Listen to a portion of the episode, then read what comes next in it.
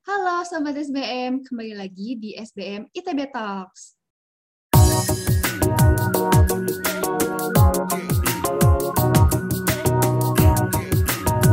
Bersama saya Laksmi Sarasvati dari MSM.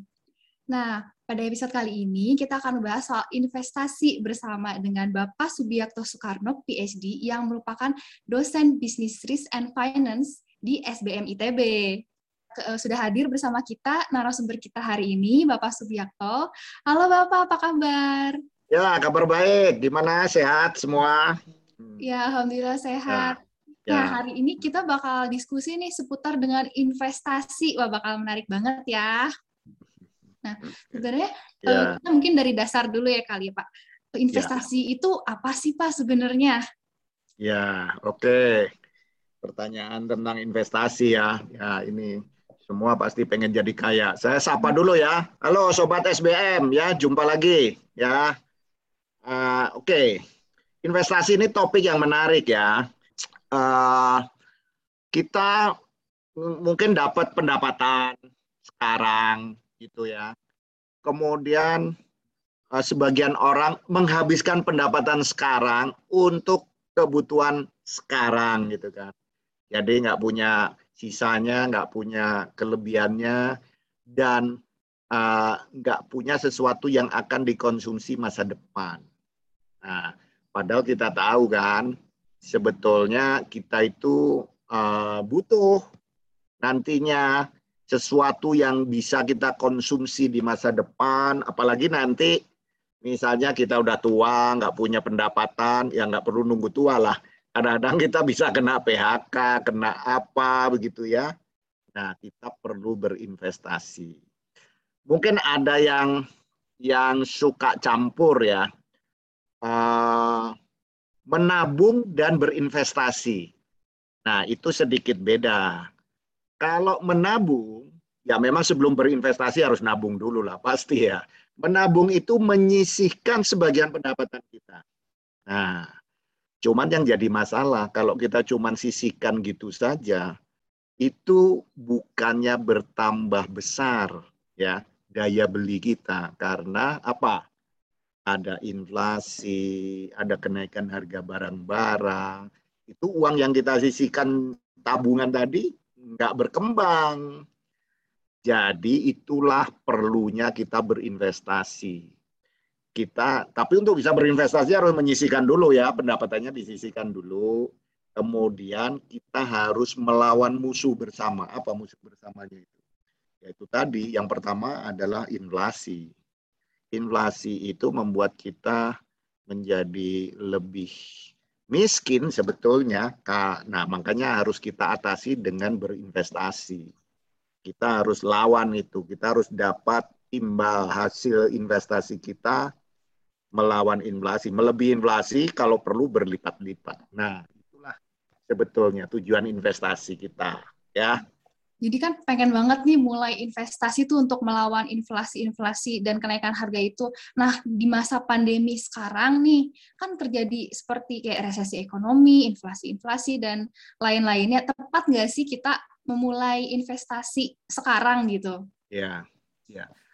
Sebetulnya begini ya, uh, kalau investasi menurut saya itu bisa dilakukan sepanjang masa. Nah, uh, kapan pun itu lagi resesi, lagi uh, apa booming gitu kan. Kadang-kadang malah muncul ya dalam resesi itu muncul opportunity opportunity. Tapi begini ya, mungkin kita pasang dulu frameworknya kan. Sebetulnya uh, melanjutkan yang tadi ya, kita itu berinvestasi. Nah, harus nanya dulu tujuannya apa berinvestasi ini? Nah, kita itu harus punya tujuannya dulu. Karena ini kalau kita berinvestasi, motivasinya saya cuma pengen tambah kaya. Saya cuma pengen uangnya tambah banyak. Itu bukan tujuan investasi yang bagus. Kita mesti ingat ya, uangnya itu bukan tujuan, bukan jadi tujuan. Uang itu hanya sarana mencapai tujuan. Jadi kita mundur dulu sedikit. Kalau kita mau berinvestasi, itu kita mesti punya labelnya, label ya, labelnya ini. Saya mau berinvestasi uh, untuk beli rumah misalnya. Nah, harus ada tujuan-tujuan kayak gitu. Saya berinvestasi ini untuk menyiapkan hari tua. Saya berinvestasi untuk misalnya mengirim orang tua saya pergi haji.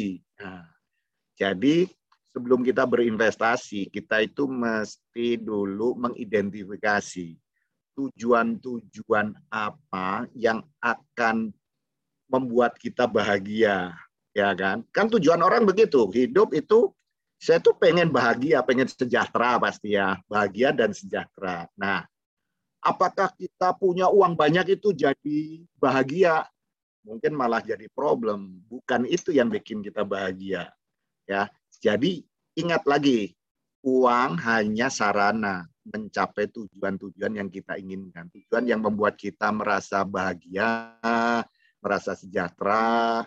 Nah, pertanyaan tadi, cocok nggak kalau lagi pandemi kita, pandemi ini berinvestasi ya. Nah, nomor satu ya, kalau kita berada dalam situasi pandemi COVID, ini memang ada peningkatan ketidakpastian ya.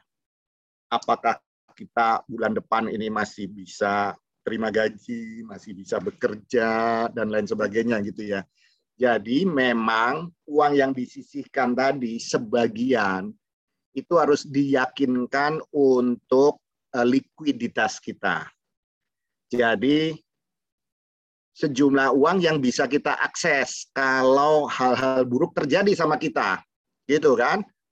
Uh, misalnya kena PHK sementara sambil menunggu cari kerjaan baru kita masih bisa mentap tapi apakah kita berhenti berinvestasi? Jangan. Kalau masih ada kelebihannya coba kita lihat. Ada opportunity di tengah pandemi ini untuk kita investasi contohnya apa? Perusahaan farmasi kalau kita misalnya mau invest saham ya. Perusahaan farmasi itu justru meningkat ya. Nah itu opportunity buat kita. Misalnya kita ikut beli sahamnya. Tapi betul ya. Jadi selama pandemi resesi kita harus berjaga-jaga lebih banyak. Jadi mungkin menyisikan uang yang yang lebih banyak untuk berjaga-jaga. Jangan diinvestasikan yang terlalu berisiko dulu tapi jangan sama sekali terus udah saya nggak mau berinvestasi nah kita kehilangan opportunity di situ. Begitu nah, kira-kira ya. Kalau misalnya mau mau berinvestasi nih kan pasti ada resiko-resiko yang yang bakal kita hadapi. Nah, sebenarnya resiko-resiko apa saja sih yang perlu diketahui sebelum kita memulai investasi? Ya, ya itu betul banget ya. Jadi tadi kita pertama harus ada motifnya, ya investasi itu motifnya apa, punya tujuan kan, tujuan tujuan yang mau kita capai dengan uang investasi kita itu apa, bukan sekedar ngumpulin uang. Nomor dua, kita tahu kan, ya tujuan-tujuan kita ini sifatnya apa, jangka pendek, jangka menengah, jangka panjang. Nah, kita harus sesuaikan sebetulnya istilahnya apa? Instrumen investasinya apa yang bisa dipakai. Kalau orang masih jangka panjang, buat pensiun misalnya masih 30 40 tahun lagi. Wow, saya bisa cari instrumen yang lebih berisiko, nggak apa-apa. Biasanya lebih berisiko, potensi returnnya juga tinggi. Dan saya masih punya waktu panjang.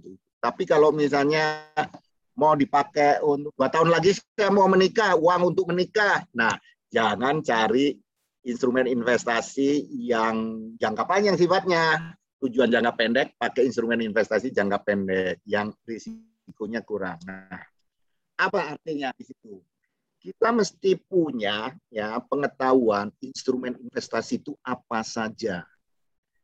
Nah, instrumen investasi nggak berdiri sendiri, dia itu kayak koin ya, kayak mata uang. Ada dua sisi nih, ada dua sisi kalau mata uang. Yang satu itu yang sering dilihat, returnnya, imbal hasilnya, dapatnya berapa ini kan?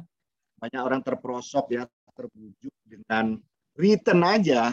Ini returnnya gede pak, sebulan bisa kasih lima persen, nggak ada yang kayak gini. Yang sering kita lupa itu di belakangnya ini risiko. resikonya seperti apa. Untuk memilih instrumen investasi, ya kita itu kan mesti punya ya plotting ya, atau kita mesti lihat tadi dua sisi mata uang tadi ya, risk dan return. Nah, jadi oke, okay, katakan kita uh, punya pilihan 10 instrumen investasi. Kita harus mampu melihat dia ini returnnya gede atau kecil? Resikonya gede atau kecil? Biasanya high risk, high return. Betul kan? Low risk, low return. Biasanya kita suka terbujuk itu di iming-iming, ini itu returnnya gede, Pak. Resikonya nggak ada. Nah, itu if apa namanya if it sounds too good to be true then it is not true itu biasanya yang prinsip itu yang kita sering lupa ya bikin orang terperosok. Nah, uh, kalau dalam teori investasi kita itu bisa menurunkan risiko ya, bisa menurunkan risiko itu dengan cara membuat portofolio istilahnya. Portofolio. Ya, jadi portofolio. Jadi uh, kita nggak invest di satu tempat saja. Pernah ingat don't put all your eggs in one basket. Nah itu. Yeah. Jadi kalau basketnya jatuh, kalau cuma satu basket, ya telurnya pecah semua. Nah, makanya kita itu mesti bangun portofolio, itu yang namanya. Jadi mungkin kita kalau punya uang cicil beli tanah, kita kan pasti butuh rumah. Cicil beli rumah, nggak apa-apa. Nanti misalnya kita belanja ke Tokopedia, kita buletin uangnya, uangnya dipakai buat nyicil beli emas. Nah, kita punya beberapa aset itu, itu teorinya akan mengecilkan resiko. Kita bisa beli saham, taruh di obligasi, dan seterusnya. Itu namanya membangun portofolio. Ada ilmunya sendiri nanti gimana caranya meningkatkan return, tapi juga kita bisa mengontrol, mengendalikan risikonya. Membangun portofolio istilahnya. Hmm. Nah, kalau untuk uh, tren investasi saat ini nih Pak, kan ada yang namanya cryptocurrency. Nah, itu sebenarnya bisa dijadiin investasi nggak sih Pak? Ya, uh, gini ya, kita tuh perlu tahu semua segala macam gitu ya. Uh, instrumen investasi. Sebetulnya cryptocurrency juga bisa saja sih dipakai sebagai salah satu instrumen ya untuk mengembangkan uh, uang kita atau kekayaan kita gitu ya. Cuman kita mesti paham itu karakteristiknya instrumen itu bagaimana. Yang tadi saya sebutkan ya dari sisi returnnya bagaimana, dari sisi resikonya bagaimana. Nah kalau kita bicara cryptocurrency, cryptocurrency itu kan high risk ya, high risk. High risk banget. Kemudian ya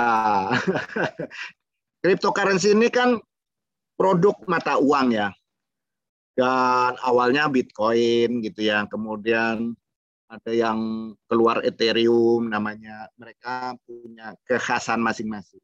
Tapi sebetulnya ini uh, mata uang, mata uang kripto ya, ini mata uang yang sifatnya terdesentralisasi. Kan beda sebenarnya dengan rupiah, oh itu terbitan Indonesia dimonitor oleh Bank Indonesia, US dollar terbitan Amerika, dan ada yang bertanggung jawab, ada yang memonitor. Nah, kalau mata uang kripto ini uh, istilahnya underlying-nya ini nggak jelas. Value-nya itu muncul karena apa? Kalau mata uang suatu negara kan value-nya itu muncul karena misalnya kekuatan ekonominya. Ekonominya makin bagus, mata uangnya digaransi oleh pemerintahnya jadi lebih kuat, begitu kan. Nah, kalau kripto ini nggak jelas underlying-nya. Pertanyaannya sekarang kalau gitu dia naik turunnya karena apa? Ya ini murni karena kekuatan pasar aja, kekuatan supply and demand. Kalau kita tahu ya kalau belajar ekonomi kan, kalau demand-nya tinggi, uh, supply-nya tetap, harganya naik dan sebaliknya. Makanya kalau roller coaster tadi terjadi itu kan karena permainan demand ada Elon Musk beli Bitcoin. Ah, ini tadi yang herding behavior ikutan. Ini pasti bagus, ikut beli. Demand naik. value-nya naik sebentar. Seminggu kemudian Elon Musk uh, mengkoreksi uh, ini uh, apa namanya orang menambang Bitcoin itu merusak lingkungan karena butuh listrik banyak. Jadi saya cabut lagi pernyataan bahwa beli Tesla boleh pakai Bitcoin, jadi saya cabut turun lagi gitu kan. Jadi cuman kayak gitu. Jadi menurut saya memang uh, lebih dekat ke arah spekulasi karena underlying-nya nggak jelas. Tapi apakah tidak ada opportunity di situ? Ada. Cuman itu bukan opportunity untuk semua orang begitu kan. Jadi kalau mereka yang masih muda, yang senang coba-coba, yang risk profile-nya tadi itu risk lover, saya ini pecinta risiko, itu senang kayak itu. Makin ada adrenalin, makin hidup dia gitu kan. Makanya diciptakan ada Las Vegas, ada Macau, ada Marina Bay Sands, tempat orang-orang risk lovers tadi. Termasuk ini ya investasi di Bitcoin. Itu pendapat saya ya. Saya sendiri udah lanjut kan. Apakah saya invest di Bitcoin? Oh iya, saya saya juga pengen tahu kayak apa Bitcoin itu itu ya. Jadi saya invest. Tapi yang saya investasikan bukan semua uang saya enggak. Cuma sebagian aja. Sebe kalau kita jangan jangan di satu keranjang semua telurnya. Nah, jangan di satu keranjang sama. Kalau kita invest di tempat yang berisiko itu kita mesti ingat gini. Uh, we can put uh, to invest our money that we can afford to lose. Jadi kita taruh di situ, tapi kalau hilang kita nggak nangis bomba gitu. Nothing to lose gitu ya Pak? Ya, ya, ya buat anu aja, buat senang-senang aja, buat kita lihat, oh naik asik, kita bro besok turun, ya turun mau apa, misalnya kayak gitu. Ya gitu. Silakan. Ya, terus sudah gitu kan banyak banyak aplikasi-aplikasi juga nih sekarang buat ya. orang-orang ya. yang mau mulai ya. investasi ya. apalagi milenial nih kayak kita pengen ya. banget nih coba-coba. Ya. Nah, sebenarnya eh, cocok nggak sih milenial untuk menggunakan aplikasi-aplikasi investasi kayak gini gitu? Oh, ya, ini sebetulnya perkembangan zaman yang luar biasa ya. Perkembangan zaman luar biasa. Ini semua kan dibantu oleh adanya internet begitu ya Dulu kalau kita mau berinvestasi itu adalah aktivitas yang sangat eksklusif. Kita datang ke bank pun nggak semua bagian akan memberikan jalan untuk itu gitu ya. Kita harus masuk ke bagian yang khusus, private, priority banking, yang khusus-khusus begitu ya. Sekarang dengan adanya digital 4.0 ini, pekerjaan investasi itu bisa dilakukan setiap saat asal kita punya smartphone itu betul banget. Jadi banyak aplikasi. Mungkin yang sering dipakai milenial ini kan Bibit gitu ya. Bibit gitu. Salah satu ini kan namanya apa? fintech ya. Fintech. fintech ya. jadi ya. Jadi kita berinvestasi melalui suatu platform. Luar biasa banget. Saya dulu kalau berinvestasi reksadana pakai bank gitu ya. Biaya yang dikenakan oleh bank itu lumayan ya bisa satu setengah persen, bisa dua persen, dua setengah persen. Sekarang dengan aplikasi yang tadi itu ya, bibit misalnya, kita pilih, milihnya pun juga udah enak banget ya. Ini yang performance-nya bagus, ini yang kurang bagus, kita tinggal pilih, klik, invest. Kena biaya nggak? Ya ada biayanya. Jadi ini luar biasa menurut saya, sangat menguntungkan, gitu ya. sangat menguntungkan. Jadi saya sangat rekomendasikan pakai pakai ini. Kita beli emas di Tokopedia bisa, beli emas di Pegadaian, uh, aplikasi Pegadaiannya juga bisa. Kita pakai aplikasi-aplikasi ini ada macam-macam ya, ada bibit, ada apa lagi gitu ya, yang memudahkan hidup kita sebetulnya. Inilah kita harus manfaatkan kalau itu. Yang penting itu kan cuman platform. Kita itu tetap harus tahu ilmu dasarnya tadi tujuan investasi kita apa, kapan kita butuh uang itu. Uangnya bukan bukan tujuan, itu kan. Nah, kita gunakan platform ini untuk memudahkan kita. Begitu dapat saya. Termasuk beli cryptocurrency itu kan ada platformnya banyak sekarang. mau milih cryptocurrency itu mungkin ada 100 lebih itu mungkin bingung sendiri dia ya, mau bingung beli sendiri Pak, mau mulai juga. jadinya ya murni spekulasi jadinya kadang-kadang ya kita lihat.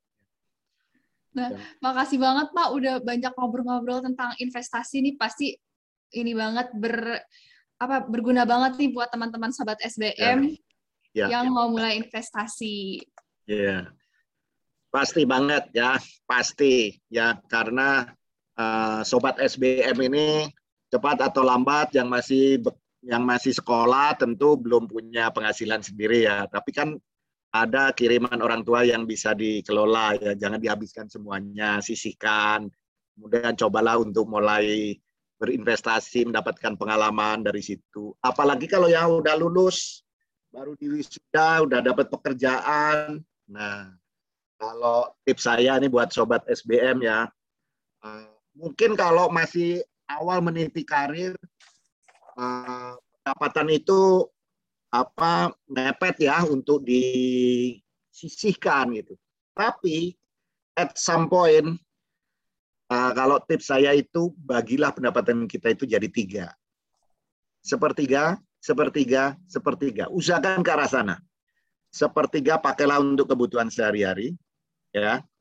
Sepertiga gunakan untuk itu tadi ya, kita membeli barang-barang misalnya perlu kendaraan, perlu rumah, itu gunakan cicilannya dari sepertiganya itu. Tadi yang kedua, sepertiga yang terakhir sisihkan untuk investasi tujuan-tujuan kita tadi. Jadi kita perlu divine tujuan kita apa saja gitu ya. Nah, gunakan sepertiga. Jadi prinsipnya lebih gampang kalau saya bagi aja tiga pendapatannya sepertiga, sepertiga, sepertiga, gitu. Itu akan membantu kita mencapai apa yang kita eh, tuju, gitu ya, tujuan-tujuan keuangan tadi, membantu membuat kita bahagia karena tujuan keuangan kita tercapai, dan tentu kalau itu semua tercapai, hidup kita akan lebih sejahtera. Financial Begitu saya harapkan. Ya? ya, financial freedom. Gitu. Harapan saya semua sobat SBM akan hidup sejahtera nantinya. Seru banget ya diskusi kita hari ini soal investasi bersama Bapak Subiakto selaku dosen di SBM ITB. Kita jadi lebih banyak tahu ilmu terkait investasi nih Sobat SBM. Sekian SBM ITB Talks episode kali ini. Jangan lupa untuk like, comment, dan share video ini ke teman-teman kalian. Subscribe channel YouTube-nya SBM ITB dan follow Spotify-nya SBM ITB. Sampai ketemu lagi di episode selanjutnya. SBM ITB for, for the, the greater good. good.